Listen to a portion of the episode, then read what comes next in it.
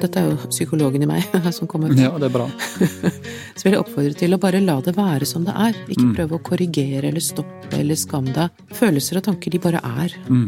Det er ikke noe mer enn det. Og hvis man tillater seg å bare la de være, så går de fortere over. Velkommen til Snakk om Downs, podkasten hvor aktuelle gjester deler sine erfaringer og refleksjoner om livet med Downs syndrom. Podkasten lages av Downs syndrom Norge, og mitt navn er Eivind Eidslott. Jeg har sjøl ei datter med et ekstra kromosom. Hun heter Marikken og ble født i 2004. I denne miniserien på flere episoder så skal jeg møte foreldre til barn og unge med Downs syndrom, samt fagpersoner som jobber med Downs, for å snakke om nyfødtfasen og de første åra. Vi håper at disse samtalene vil være til hjelp for både foreldre, familie, venner, pårørende, fagpersoner og andre som er interessert i Downs syndrom. I denne episoden så møter vi psykologen Marie Håvik. Sønnen hennes, Einar, er 16 år og har Downs syndrom. Samtalen med Marie er delt i to deler. I denne første delen så skal vi snakke om Marie sin egen familie. Velkommen til Snakk om Downs, Marie. Tusen takk. Du må nesten begynne med å fortelle litt om hvem du er, og om familien din.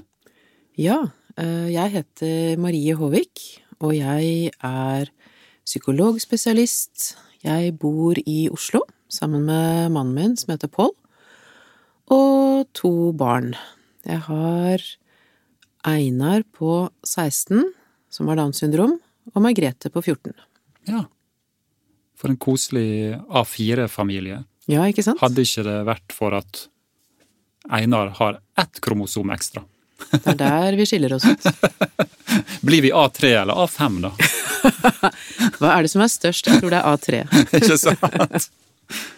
Hvordan vil du beskrive familien din, da? Hva er dere interessert i, og hva gjør dere på? Tja, eh, vi er en familie som er eh, Vi er glad i å hygge oss. Vi er glad i å reise og oppdage nye steder. Vi er glad i film, vi er glad i musikk. Vi er, eh, noen av oss, gladere i å gå tur enn andre. I hvert fall på dette stadiet. Det er lov å si.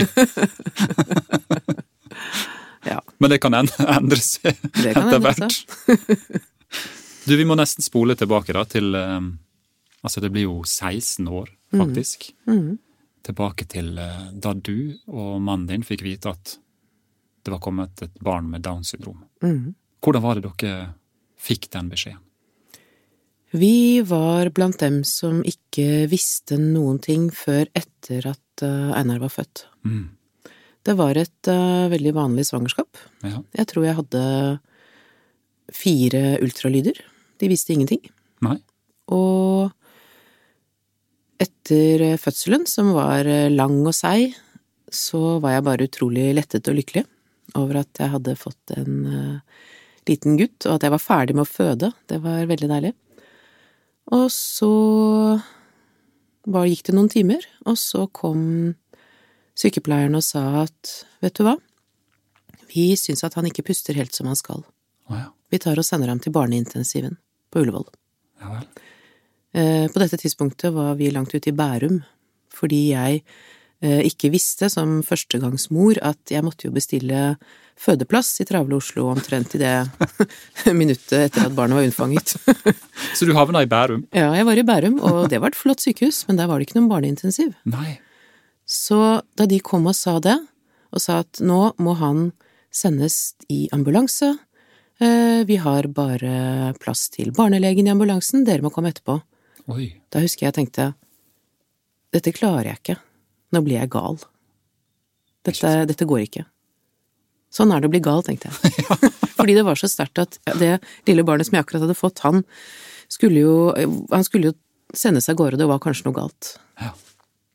Så det var noen lange eh, Ja, hva ble det da? Det ble jo nesten en time eller noe sånt før vi da kom oss etter i neste ambulanse til Ullevål. Og dette var Da kom vi midt på natta, og Jeg eh, husker at eh, vi kom inn på intensiven der og så alle disse små barna som ligger i disse kuvøsene, ikke sant. Det er en veldig spesiell stemning på en intensivavdeling. Det er veldig stille. Det er det. Og du hører bare at det suser i alle maskinene, og så kommer du inn der og helt sånn Jeg husker jeg var helt ør. Eh, og da kom det en lege, veldig rolig, bort til oss og sa Da vi sto ved den lille krybben til Einar og så på han, så sa hun Ligner han på noen i familien deres? Nei, hva Nei, nei, egentlig ikke. Altså, ingen spedbarn ligner jo på noen, syns jeg. Nei, men, egentlig. eh, Det er veldig tidlig å spørre. det var veldig tidlig å spørre, og det var et litt uvant spørsmål. Og vi sa litt sånn forfjamset uh, nei, og så sa hun fordi vi tror nok at han har Downs syndrom. Se på ørene hans, de sitter lavere. Se på føttene hans, det er et mellomrom mellom stortå og resten av tærne. Se på furene i hendene, se på øynene. Vi vet ikke sikkert, men vi tror han har Downs syndrom. På en veldig saklig og informativ og veldig ålreit måte. Mm. Og jeg tenker, ja, du kan jo høre nå, jeg sitter jo her 16 år etter og har liksom detaljene i hodet. Dette ja. var en sånn, eh, sånn øyeblikk, sånn Altså i psykologien så snakker man jo om at det er noen ting som du bare De blir nesten sånn prentet på deg, for du er så mottagelig. Ja, Og dette var nok et sånt øyeblikk. helt sikkert. Ja. Så du husker detaljene. Ja, jeg kan se det for meg egentlig, hvordan vi sto. Mm. Men uh, jeg tror det er ganske vanlig. Jeg tror de fleste foreldre som får en sånn beskjed, de husker eh, hvor de sto, hvor de var i rommet. Mm. Og ikke minst husker de tonefallet, ordene kanskje ofte, nøyaktig nesten, hvordan de falt. Mm. Fordi det der er så sterkt. Det burde kanskje vi fortelle til alle leger. At det du dumt. sier i den situasjonen, det Ja. kommer vi til å huske. Det er faktisk noe som de trenger å vite. Ja, jeg er helt enig. Ja. Jeg burde tipse deg. Mm. Hva tenkte du da, akkurat etter at de orda hadde falt? Da raste verden sammen. For meg. Jeg var ikke forberedt på det i det hele tatt. Jeg ble øh, full av sorg, og jeg ble kjempesint. Det var mine reaksjoner, sånn de umiddelbare. Og jeg tror jeg hadde all verdens mulige tanker som raste gjennom hodet om at ja, hva, hva kan det ha vært? Altså, det må ha vært alt mulig fra at nå eh, skal jeg være pleieassistent resten av livet, eller nå kommer eh, Hvordan skal det gå med forholdet? Hvordan skal det gå med han? Hvordan skal jeg orke dette? Alle mulige sånne ting. Mm. Alt var snudd på hodet. Og derfor ble jeg også sint. For jeg ville ikke dette. Jeg ville ikke ha noe av det. Du kjente rett og slett på et sinne. Mm. Ja. Ja. Og, og hva kunne man gjøre av de følelsene? Ja, det var det. Jeg tror at i sånne situasjoner er det i hvert fall veldig godt å ha en partner. Mm. En å snakke med, en å dele det med. Mm. Men eh, det var ikke lett, fordi du har jo venner og familie, alle står og tripper rundt og venter på det glade budskap om at barn er født. Og så er du selv så rotete inni deg av så mange vanskelige følelser, og hvordan skal du klare å formidle det? Og hvordan skal du klare å ta inn deres reaksjoner samtidig som du ikke egentlig vet hvordan du skal håndtere dine egne? Mm. Og så har du det lille barnet oppi der som trenger deg som mamma. Mm. Jeg syns det var en ganske kaotisk og ikke enkel situasjon. Egentlig helt utrolig komplekst å Ja. stå i det. Ja, faktisk. Mm. Kan du huske um, hva slags samtaler du hadde da med, med din mann? Jeg tror at mm, Jeg tror vi var heldige fordi vi var på ganske sånn likt sted. Det er ikke noe selvfølge, tenker jeg, i et forhold. Men vi var stort sett i synk. Mm. Jeg tror vi bare snakket om hvordan vi hadde det, hva vi følte og hva vi tenkte og hva vi var redd for. Mm. Og så gråt vi nok litt, og så trøstet vi litt, og så kom det en sykepleier og sa men nå må dere jo komme og se på han. Ja. Og så gikk vi av gårde og så på han, og da syntes vi at han var så nydelig. Og nå blir jeg litt rørt når jeg snakker om det, Det er lov. fordi jeg husker Det hvordan jo. var. Ja. Det var eh, Han var jo helt skjønn. Mm. Det var jo ikke noe i veien med han, men det var dette syndromet, da, Mm. som liksom hang over oss. Mm. Og da skal jeg bare si at jeg kunne ingenting om Downs syndrom før jeg fikk et barn med det. Nei. Jeg hadde Jeg kjente ingen med Downs. Nei. Jeg hadde ikke noe personlig erfaring. Jeg hadde en masse hull i kunnskapen min, og tenker jeg i ettertid, en god del fordommer. Mm. Hva slags eh, stigma hadde du av det syndromet? Mm, jeg tror ikke at jeg hadde noen sånne øhm, stigma, egentlig, men jeg tror at jeg bare hadde et sånt ubehag knyttet til at det skulle ha noe med meg å gjøre. Ja. For det var de andre. Ja. Det var de andre, det som hadde barn med Downs, eller hadde barn med funksjonshemming, eller Det var ikke noe jeg ville ha inn i mitt liv, så det var en sånn uvilje, et sånn ubehag mot en verden som jeg egentlig ikke kjente noe til, Nei? men som jeg hadde ideer om at ja, men de har det nok slitsomt, eller det er jo tungt, eller det høres trist ut, eller Ja, Mm. Og det vil ikke du assosiere det med? absolutt ikke. Jeg vil ikke ha noe med det å gjøre. Jeg vil ikke være medlem av noen Downs-klubb. Nei takk. Jeg skjønner veldig godt. Alle disse tankene rekker jo man av en eller annen grunn å tenke Ja. på veldig kort tid. Hjernen er utrolig rask. Den er det. Mm. Jeg husker også fra den første tida at det var liksom tusenvis Ja. av følelser og tanker i et bankende kjør. Ja, ja. Det ene avløser det andre, ikke sant? Ja. Og det syns jeg også var tilfellet i forhold til følelser. Mm. Altså fordi tankene bare kom og gikk og kom og gikk, men det gjorde følelsen også. Det var som å være i en sånn emosjonell berg-og-dal-bane, syns jeg. Mm. Og det syns jeg at jeg har hørt fra ganske mange andre foreldre også. Mm.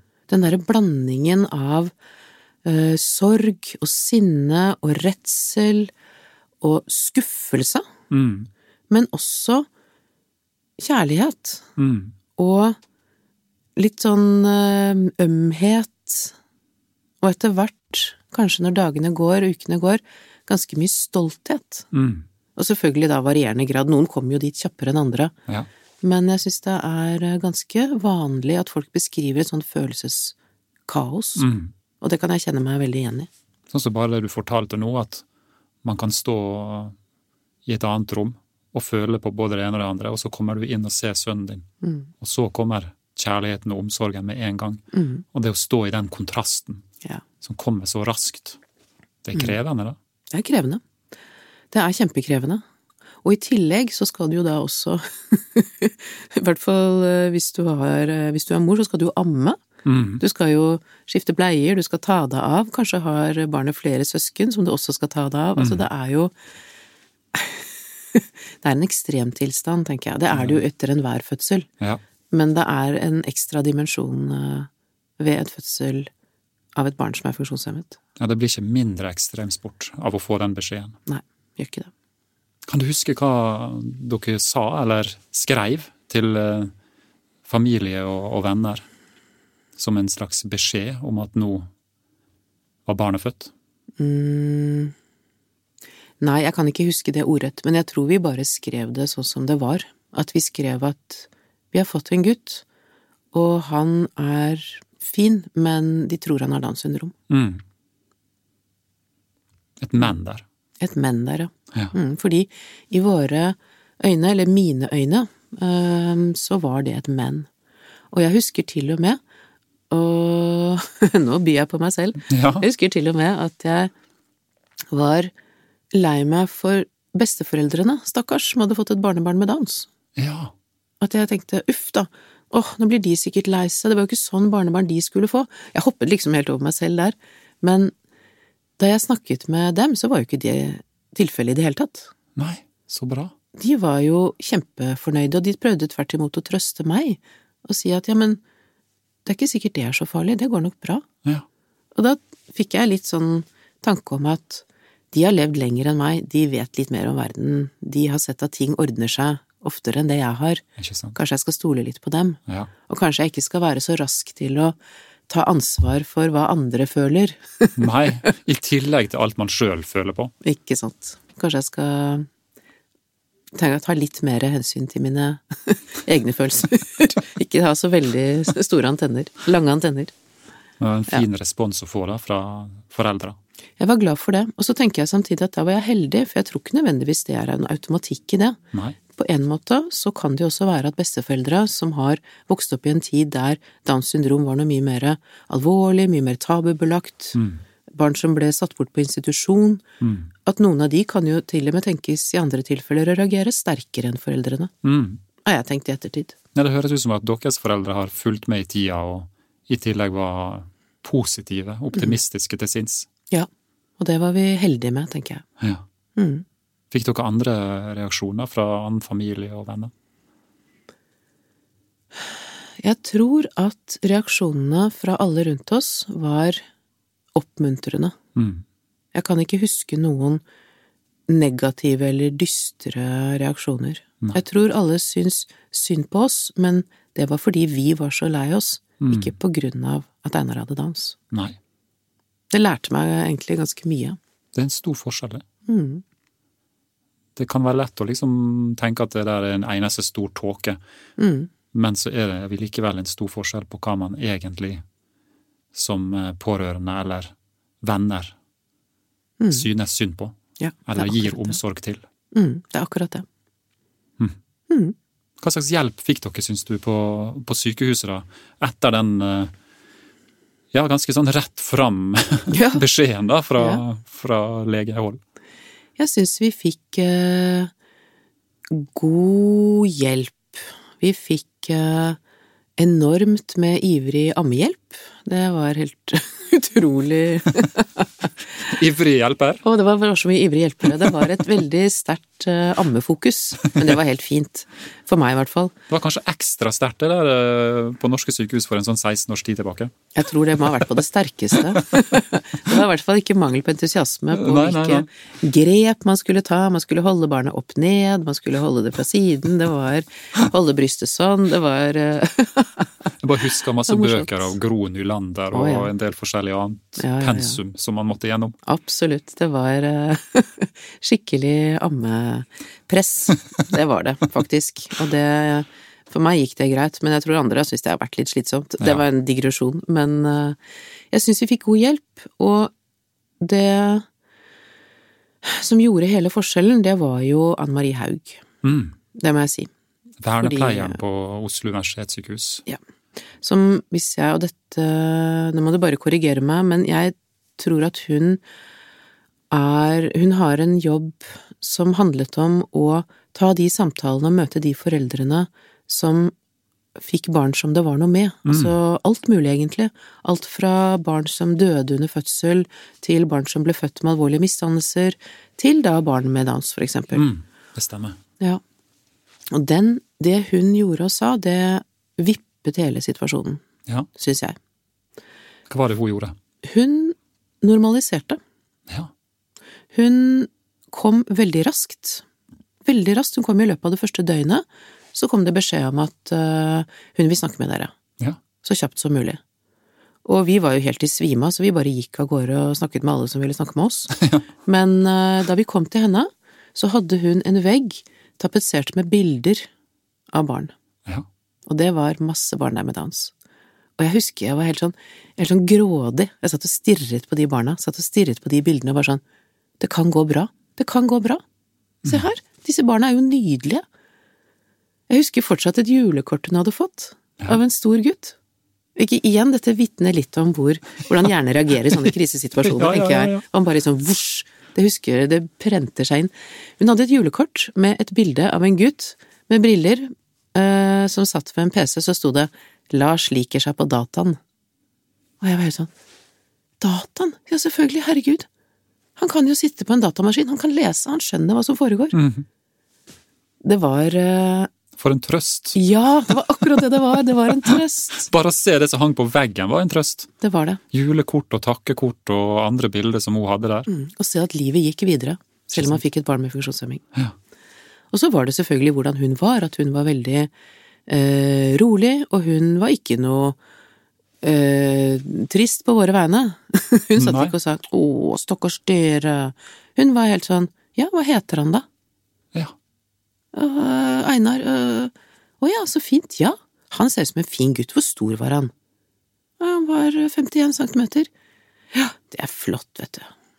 Ja, nettopp. Mm. Hun var opptatt av å snakke om han. Mm. Hun var ikke opptatt av å snakke om syndromet. Nei, Igjen, veldig lærerikt. ikke sant? Mm. Hun ville snakke om mennesket Einar. Yes. Og syndromet kommer i, i annen eller tredje eller fjerde rekke. Langt baki der. Ja. Mm. Nei, men Så fint å høre. Mm. Hun har jo hjulpet så mange som har fått barn, eh, spesielt da på Ullevål og Rikshospitalet her i Oslo. Ja. Og em, vi er jo så heldige at hun er gjest i vår podkast, så de som er enda mer nysgjerrig på henne, må jo lytte til den episoden hvor vi skal snakke med Ann Marie Haug. Den anbefaler jeg å høre på. For hun har, eh, som du sier, en del erfaring å by på, og Mm. noen gode råd og noen veldig fine perspektiv på det å få et barn som kanskje er annerledes enn det du trodde du skulle få. Ja. Og jeg tenker at hun i seg selv er jo en veldig, veldig dyktig fagperson. Og så viser det at den jobben hun gjør, viser også behovet for den umiddelbare støtten og kunnskapen som man har etter en sånn fødsel. Ja. Fordi jeg var det, og jeg tror ikke jeg var den eneste, man er så forvirra på hva det er man skal inn i, Mm. og man har så mye eh, triste forventninger, så mange katastrofetanker, at det å få den egentlig kriseintervensjonen som det er, å få en sånn samtale så tidlig, Mm. den, den er avgjørende, eller kan være avgjørende, tenker jeg, for at man får liksom ikke brukt opp den dyrebare første tida på altfor mye sørgelig. Mm. At man kan liksom, ja, vippes litt i riktig retning. Ja. Det tror jeg er eh, utrolig viktig. Jeg vet ikke hvordan det er på andre sykehus rundt i landet, men jeg håper at det er en Anne Marie Haug på alle. ja, det har vi alle hatt et håp om helt siden vi møtte henne i ulike sammenhenger. Og så frykter vel kanskje alle sammen at det ikke nødvendigvis finnes sånne stillinger i så stor grad rundt omkring ellers på store norske sykehus, og i hvert fall ikke på de små. Nei. Og da blir man igjen avhengig mer av enkeltpersoner som, som, tar, en, som tar et ansvar, kanskje litt utover stillingsinstruksen sin. Ja, det er akkurat det. Og da, da er man litt mer over på tilfeldighetene. Mm, mm. Og det er ikke så ålreit, særlig i sånne situasjoner som dette. Fordi jeg tror at øh, Hvis jeg skal være litt sånn, å si, snakke til politikere om dette, til de som bevilger penger, så tenker jeg at det er veldig økonomisk besparende å ha folk i sånne stillinger. Ja. Det sparer sykemeldinger, det sparer øh, psykisk lidelse og smerte, det sparer tilknytningsproblemer, Mm. for å ta litt hardt i. Jeg har tenkt det flere ganger at jeg skulle ønske at en vernepleier gjerne tjente 1,2 million, som en vernepleier dessverre ikke gjør, Mm. og at det likevel hadde vært verdens billigste stilling. Absolutt. Så det der, er- dette må vi spre videre. Ja. Politisk, syns jeg, Ja. når vi får anledning til det. Ja, ja. Det må være lov å si i den podkasten her. Mm. Det er mye politikk i dette. Ja, det er det. Både på og mellom linjene. Mm. Men hvordan eh, var det da dere kom hjem fra sykehuset? Kan du huske noe fra disse første dagene når dere skulle ha det liksom normalt? Mm. Jeg tenker jo at enhver fødsel, det er jo nesten som en sånn unntakstilstand hjemme. Mm. Uansett. Mm. Det er noe med å komme med et lite barn og tenke hva, hva, hvordan gjør vi dette her, hva gjør vi nå, nå er det jo ingen som passer på oss lenger, hvor er de voksne? Hvor er det voksne i rommet? Ja, hallo, hallo, å gud, det var visst meg. Hmm. Jeg tror at det var, for oss var det fint å komme hjem. Da hadde vi vært ti dager på sykehus, og vi var egentlig litt lei. Ja. Men det var jo en overgang. Det var eh, Det jeg kanskje husker mest på, det var det med å være ute blant andre småbarnsmødre. Mm. Det kan jeg huske jeg syns ikke var så enkelt alltid. Nei. Å trille rundt og øh, føle at jeg var liksom litt sånn på utsida. Men hjemme så syns jeg det var fint, Mm. for da var det jo bare han. Og han var jo helt herlig. Ja, ja. Hvordan var det du følte det på utsida da, når du var ute og trilla og, og møtte andre tilfeldig forbipasserende med tre eller fire hjul på vogna? Hvis jeg skal tenke på det i ettertid, så tror jeg faktisk at jeg var misunnelig. Ja. Mm. For jeg tenkte at ja, mm, ja, dere er et vanlig barn, ja ja. Mm. Eh, Så det var både den følelsen kanskje av at de ikke hadde så mye styr som jeg syns jeg hadde, med møter med fysioterapeuter og ditt og datt sånn ekstra greier. Mm. Men også tror jeg rett og slett det var en slags sånn, ja, misunnelse. En følelse av at åh, jeg kunne godt tenkt meg å ha hatt et barn uten Downs syndrom. Mm. Og nå er jeg skikkelig ærlig på det. Ja, men det er så fint at du er det. Mm, Fordi disse følelsene her er jo noe som mange av oss kan kjenne oss igjen i. mm, mm. Men eh, vi er kanskje litt for dårlige til å prate ærlig om det. Ja, og så tror jeg kanskje ikke man helt vet det der og da. Jeg, jeg har faktisk ikke tenkt på dette før du spør meg om det nå, men jeg tror nok at det var litt sånn. Mm. Og jo, og så tror jeg det var en ting til, jeg tror jeg følte at jeg ikke hadde noe sånn ordentlig fellesskap. Nei. At jeg så liksom sånne barselgrupper eh, satt og hang eh, på gresset i parken, og jeg var litt sånn jeg, jeg følte ikke at jeg kunne snakke med dem helt, fordi de skjønte ikke, kom ikke til å skjønne hvordan jeg hadde det, Nei. tenkte jeg. Ikke sant? Så um, i ettertid så tenker jeg at det hadde kanskje vært noe, en barselgruppe for andre med downs. Mm. Mm, jeg syns det hjalp litt når jeg ble kjent med andre småbarnsforeldre som også hadde barn med downs. Ja. Da falt liksom brikkene litt på plass, Ja. følte jeg. Fikk du noe tilbud om en fadderfamilie? Ja, igjen takket være Anne Marie Haug. Ja.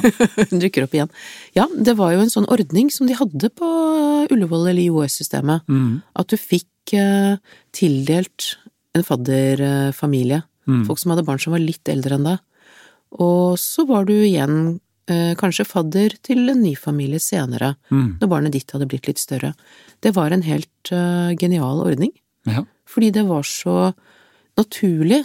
Det var så enkel kobling, fordi man hadde så veldig mye til felles, nesten automatisk, Mm. ved å være småbarnsforeldre til barn med dans. Mm. Syns jeg, i hvert fall.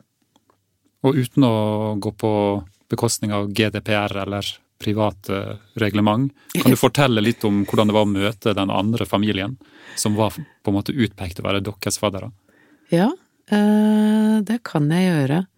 Eh, vet du hva, kanskje jeg skal lese litt om det? Ja, gjerne. Skal jeg gjøre det? Ja, Ja. finn det fram. Det som Marie ikke har sagt til oss ennå, er jo det at hun har skrevet en hel bok om det å få et barn med Downs syndrom, og som heter En som er god. Å få et barn med Downs syndrom.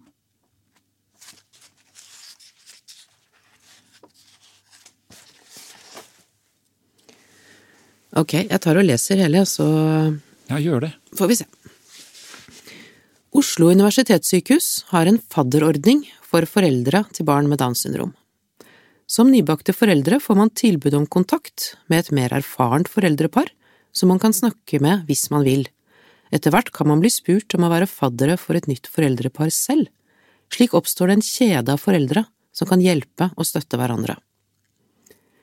Like etter at Einar ble født, sa Pål og jeg ja til å få telefonnumrene til en annen familie med en litt større gutt. Og en dag, da Einar er fire måneder gammel, ringer jeg dem. En kvinne med vestlandsdialekt svarer og spør om vi har lyst til å komme på besøk. Vi avtaler tid, og jeg legger på. Jeg har lyst til å treffe andre familier i samme situasjon, men det føles rart å møte ukjente mennesker på denne måten. Kanskje vi ikke har noe til felles med dem, annet enn barn med samme syndrom? Dette hadde ikke skjedd om jeg hadde fått et vanlig barn, tenker jeg. En søndag kjører vi dit. Vi ringer på, kommer oss opp på trappene med Einar i bilsetet, fram til en åpen dør. Da står det en far og mor på vår alder, og en liten gutt på snart ett år, med mørkt hår og strålende mørke øyne. Og han kan stå og holde seg fast i bordet. Og foreldrene hans er snille og hyggelige og ser ut til å ta Downs syndrom med stor ro. Snart snakker vi i vei som om vi skulle ha kjent hverandre lenge, om sykehuset, om felles erfaringer, om de to nydelige barna våre. Jeg er både glad og nedstemt når vi drar derfra. Glad fordi det var et fint møte med fine mennesker, men også nedstemt fordi jeg kjenner motstand mot hele situasjonen. Jeg vil velge selv hvem jeg skal være sammen med, og ikke styres av Downs syndrom. Veldig godt beskrevet. Også der en sånn på en måte indre konflikt. Mm, Altså motstridende tanker og følelser mm, som jeg tror mange av oss kanskje har kjent på. mm. Den blandinga av glede og vemod Ja. som av en eller annen grunn kan være der nesten samtidig. Ja. Og det er godt beskrevet av det her, altså. Det er Takk skal du ha.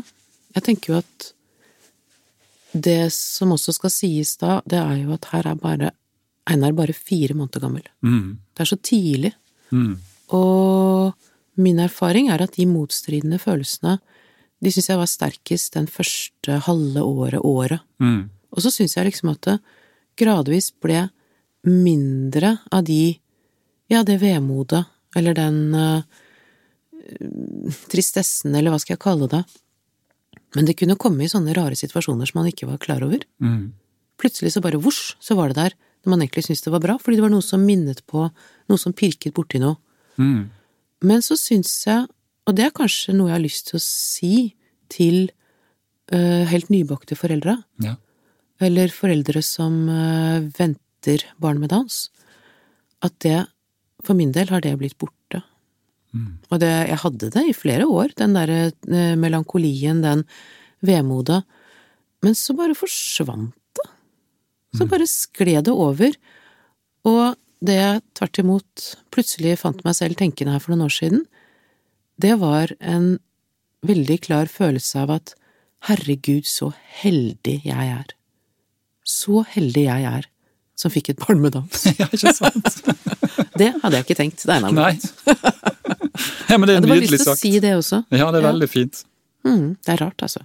Vi har begynt å gratulere alle som får et barn med down, og så har vi tatt oss sjøl i at vi sier det litt for tidlig. Fordi, sant? som du sier, det er ikke alltid man er mottagelig for den gratulasjonen Nei. i den første tida. Nei. Men hvis vi i hvert fall eh, våger å gratulere når eh, man møter et barn med down som kanskje har passert året, Mm. så tror jeg det i hvert fall ofte vil være innafor. Det tror jeg du har rett i. Men jeg kjenner meg igjen i det. Jeg blir så begeistret hver gang jeg hører at det blir født et barn med Downs. ikke sant? Oh! Men man skal nok se an sitt eh, publikum, ja. Mm. Også det at uh, man plutselig får evnen til å spotte noen med Downs syndrom på flere hundre meters avstand. Det er en superkraft. Ja, det er det. Mm. Mm. Og jeg tenker alltid på det. Hvis jeg ser at noen stirrer på Einar, så tenker jeg kanskje de kjenner noen med Downs. Ja. For det er derfor jeg stirrer på folk med Downs. Det er en varm stirring.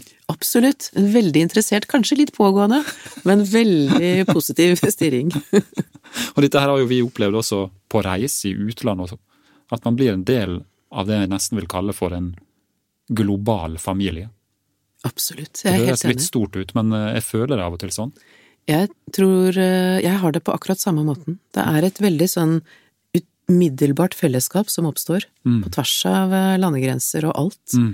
Jeg er helt enig, jeg er det på akkurat samme måten. Ja. Og jeg tror nok at det er eh, faktisk eh, folk som har barn med kanskje tilstander som ikke er så lette å oppdage, eller eh, eh, kanskje litt mer stigmatiserte, som misunner oss dette fellesskapet. Mm. Det tror jeg. Ja, det tror jeg jo. Også det at, og det er kanskje rart å si det, men at barna våre da er synlig. Vi og alle andre vet at de har Downs syndrom. Ja. Ja. Det er så lett synlig. Mm, det er lett synlig, og det er lett synlig helt fra starten av.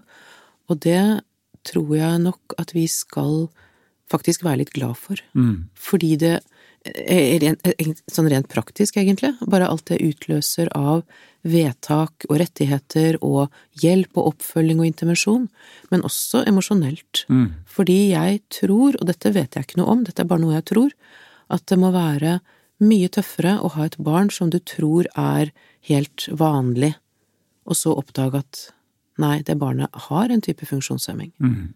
Jeg tror den sorgen, den tror jeg ikke er noe enkel. Nei, det tror du har rett i.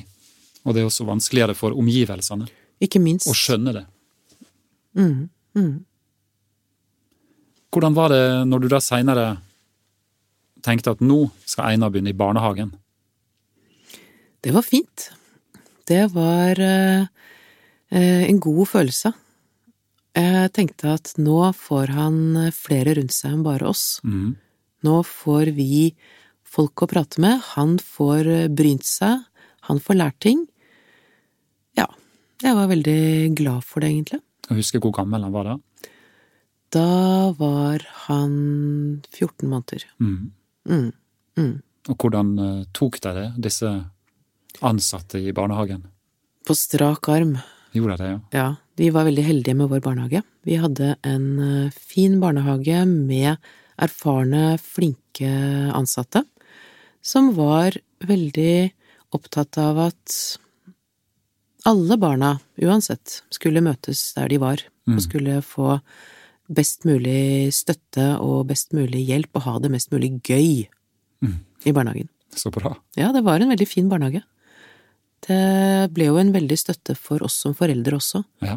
At da fikk vi plutselig flere voksne rundt oss som var interessert i og opptatt av Einar. Mm. Som vi kunne diskutere med og prate med og ha det moro med, og som var også veldig dyktige til å gi oss eh, beskjed dersom det var noe. Mm.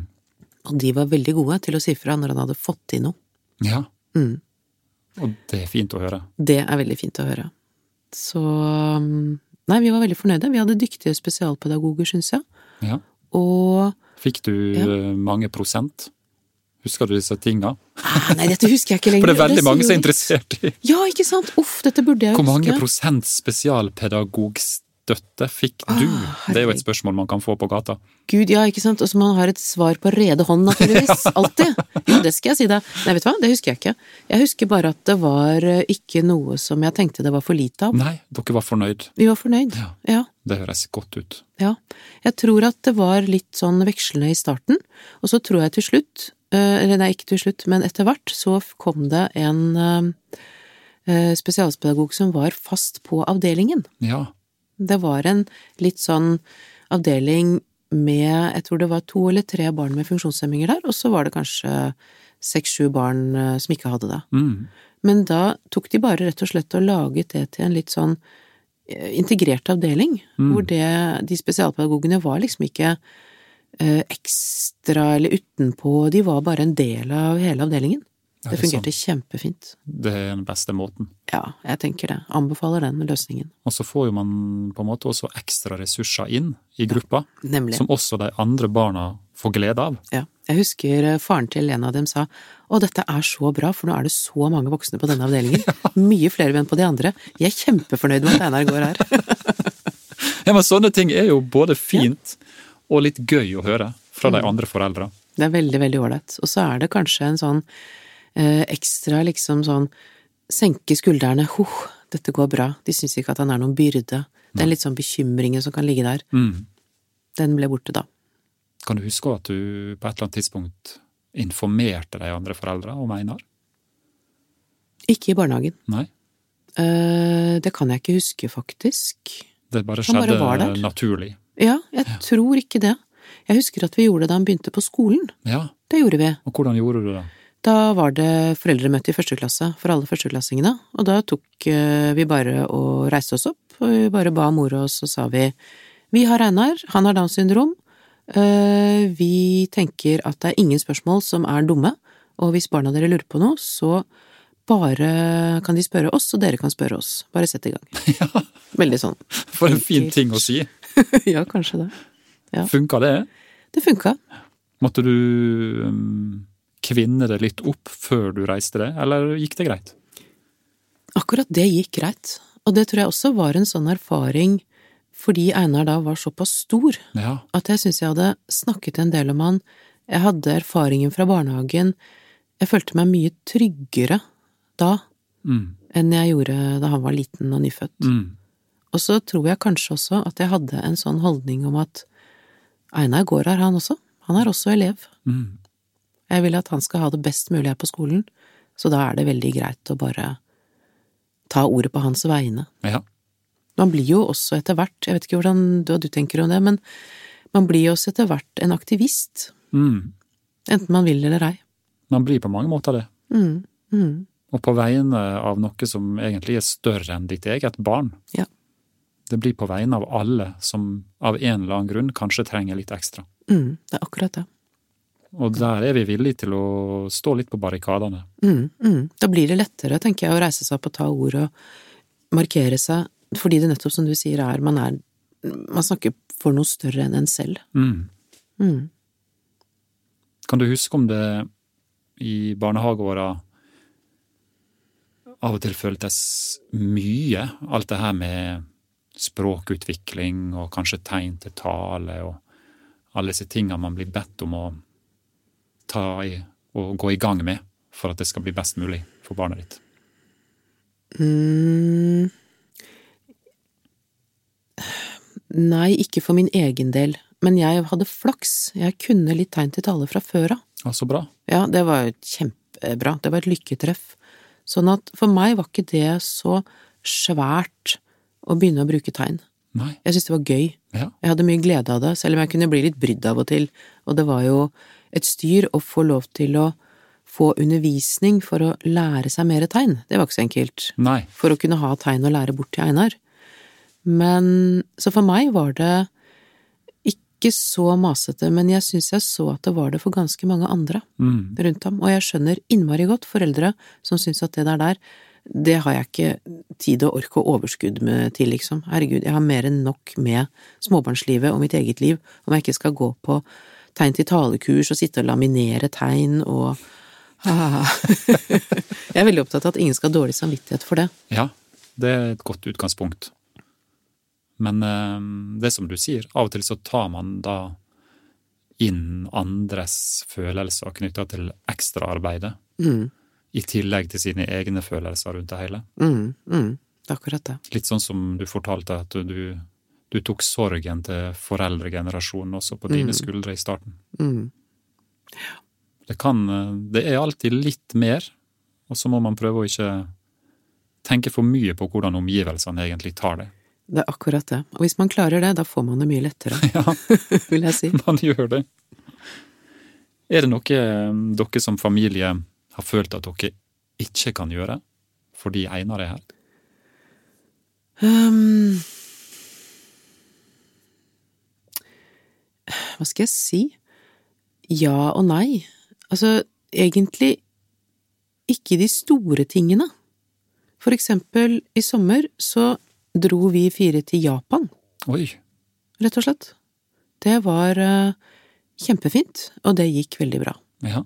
Men litt sånn etterpå så tenkte jeg, men i alle dager, vi dro med oss en gutt med Downs syndrom til Japan uten noen assistenter, uten noen ting, eh, På flyet til Tokyo? på flyet til Tokyo, og tilbake igjen. Ja. uh, og da tenkte jeg at ja, selvfølgelig gjorde vi det, for det gikk med han. Mm. Men samtidig så På søndag sånn og som var, så måtte vi gå fra kafé til kafé for å finne et sted der de hadde mat som Einar kunne spise. ja. Ikke sant? Så det er liksom I sånne små ting så må Mm. vi justere oss, må vi tilpasse oss. Da kan vi kanskje ikke gå og spise på absolutt alle restauranter, men Fordi han har eh, enkelte ting han ikke tåler? Eller som han ikke vil spise. Som han ikke har lyst til å tåle. Kanskje heller det siste.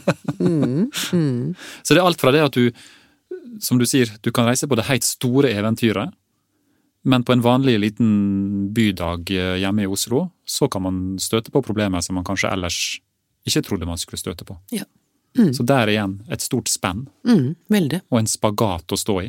Det er en spagat å stå i, og det kan jo virke litt eh, paradoksalt, egentlig. Herregud, dere kan dra til Tokyo, liksom, men dere sliter med å finne en eh, passende kafé. Måtte til Tokyo for å finne kafé, da. ja.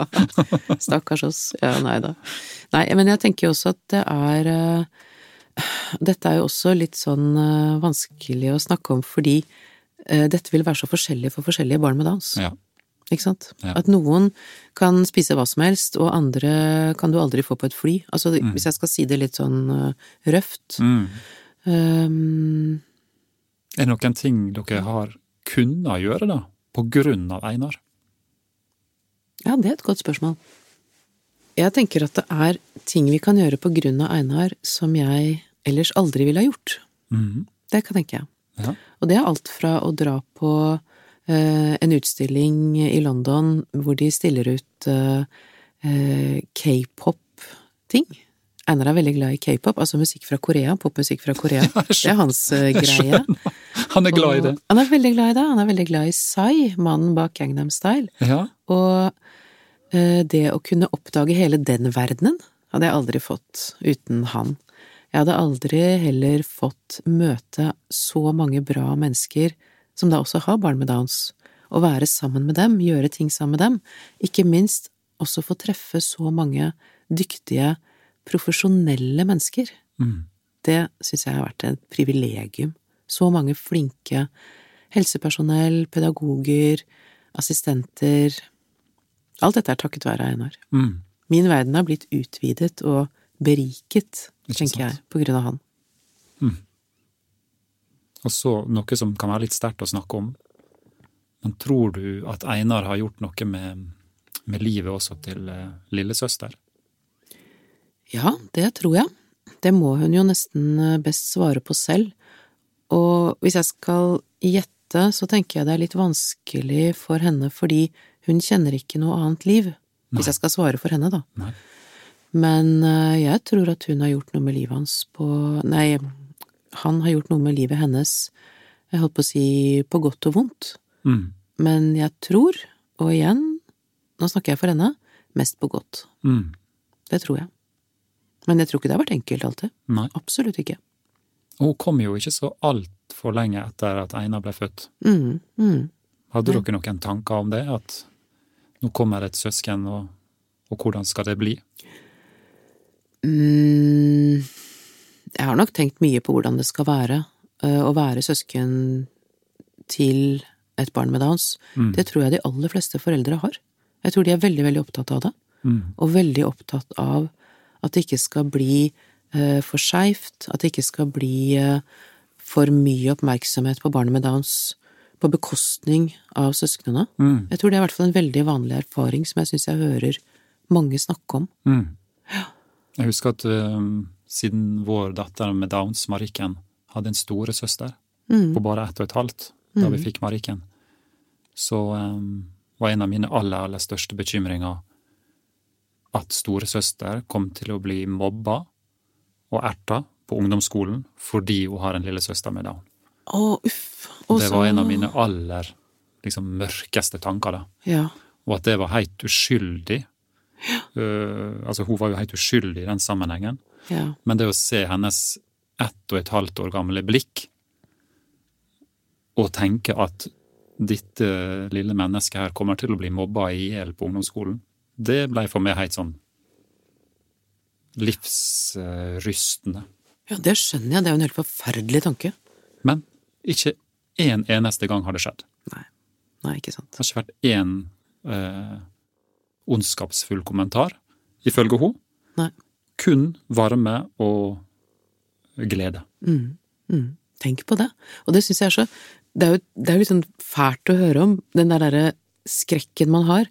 Og så tenker jeg det er så veldig, veldig godt eksempel også på sånne tanker man får som nybakt forelder. Mm.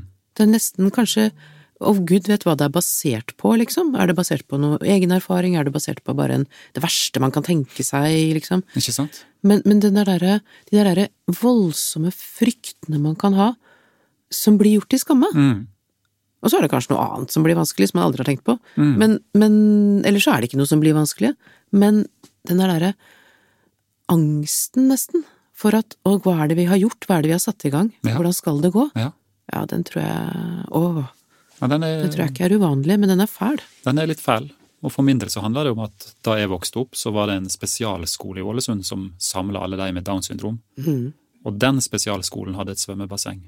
Og der skulle vi alle som var elever i Ålesund, lære oss å svømme. Mm. Og når vi kom dit med den litt slitne rutebussen, så var ikke det at medelevene eller jeg sa noe når vi så på de med down, men jeg husker blikkene våre. Mhm. Jeg husker at vi tenkte at disse er annerledes. Mm. Mm. Dette her er de andre. Ja.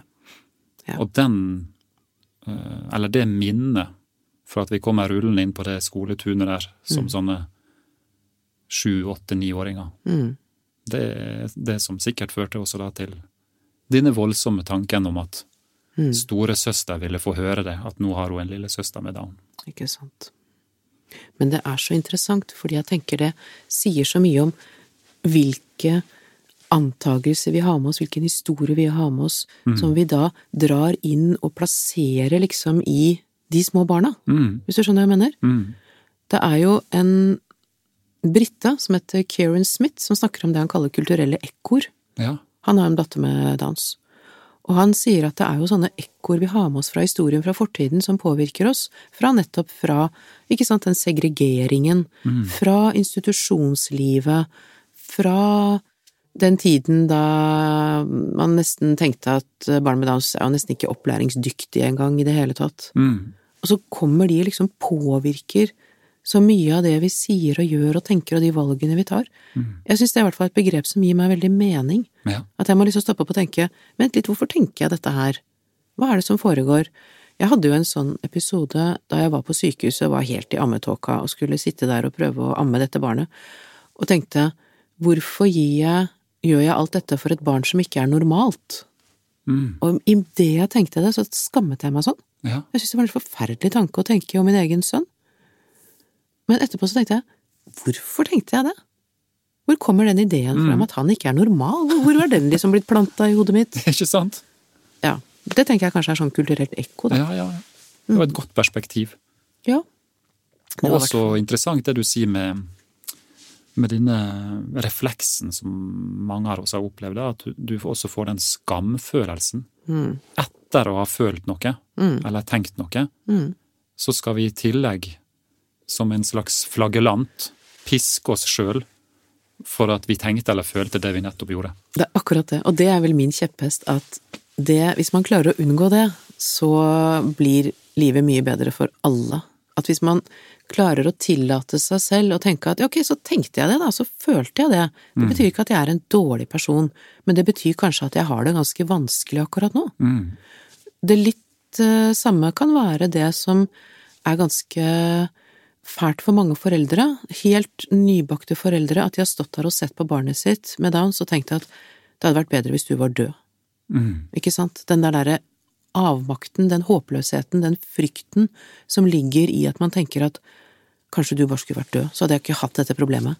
Og den enorme skammen man kan føle av det. Mens jeg tenker at hvis du tenker det, så sier det så mye om hvordan du føler deg trengt opp i et hjørne. Mm. Apropos det at hjernen bare fyrer av masse tanker, at den prøver jo liksom bare å tenke hva, hvordan kan jeg løse dette her, hva kan jeg gjøre? Og så er det mye mer et uttrykk for håpløshet og en følelse av avmakt enn at man faktisk ønsker barnet sitt dødt. Mm. At man skal få lov å tenke at vet du hva, det er så mange rare tanker som farer gjennom et hode i løpet av en dag, jeg trenger ikke å ta det på alvor, men jeg skal ta den såre følelsen på alvor. Mm. Og så er det jo et paradoks at i neste øyeblikk så står man og er kjemperedd for at barnet skal dø.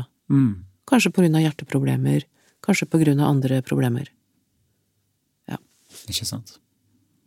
Men det, det er godt du har noen gode råd i den sammenhengen der, fordi det er mange som nok sliter altså, i den første tida med hvordan man skal eh, oversette det man tenker og føler, Mm.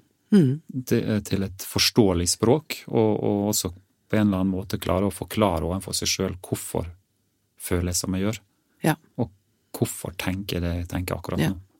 Og så ikke være redd for det og føle at å gud, det betyr at jeg er et dårlig menneske eller jeg egner meg ikke til å være mor eller far, men tenke at dette her er et uttrykk for situasjonen. Mm.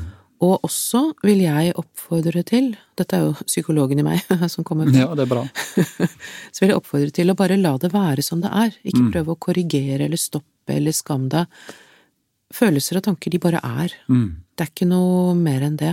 Og hvis man tillater seg å bare la de være, så går de fortere over, Mm. de negative følelsene. Det er i hvert fall min personlige erfaring. Det er erfaringen fra ganske mange andre foreldre, i hvert fall som jeg har lest om eller snakket med. Og det er en god trøst. Det er en veldig god trøst. Nå som eh, Einar har blitt 16, hvordan ser du tilbake på denne første tida? Hvor han var kanskje nyfødt, eller opp mot et år. Mm, det første jeg tenker, er at jeg savner det jo litt. Ja, men det er jo en vakker Et vakkert savn. Ja, jeg tenker at jeg savner Jeg savner ham da han var liten. Han var så søt. Men jeg tenker jo også at jeg syns litt synd på meg selv i den tiden. Det gjør jeg. Og jeg får litt lyst til å gå til mitt tidligere jeg og så klappe meg selv litt på skulderen og si at vet du hva, det kommer til å gå helt fint. Det får jeg veldig behov for å si. Jeg syns det var en nydelig avslutning på den eh, fine samtalen vår her. Tusen takk.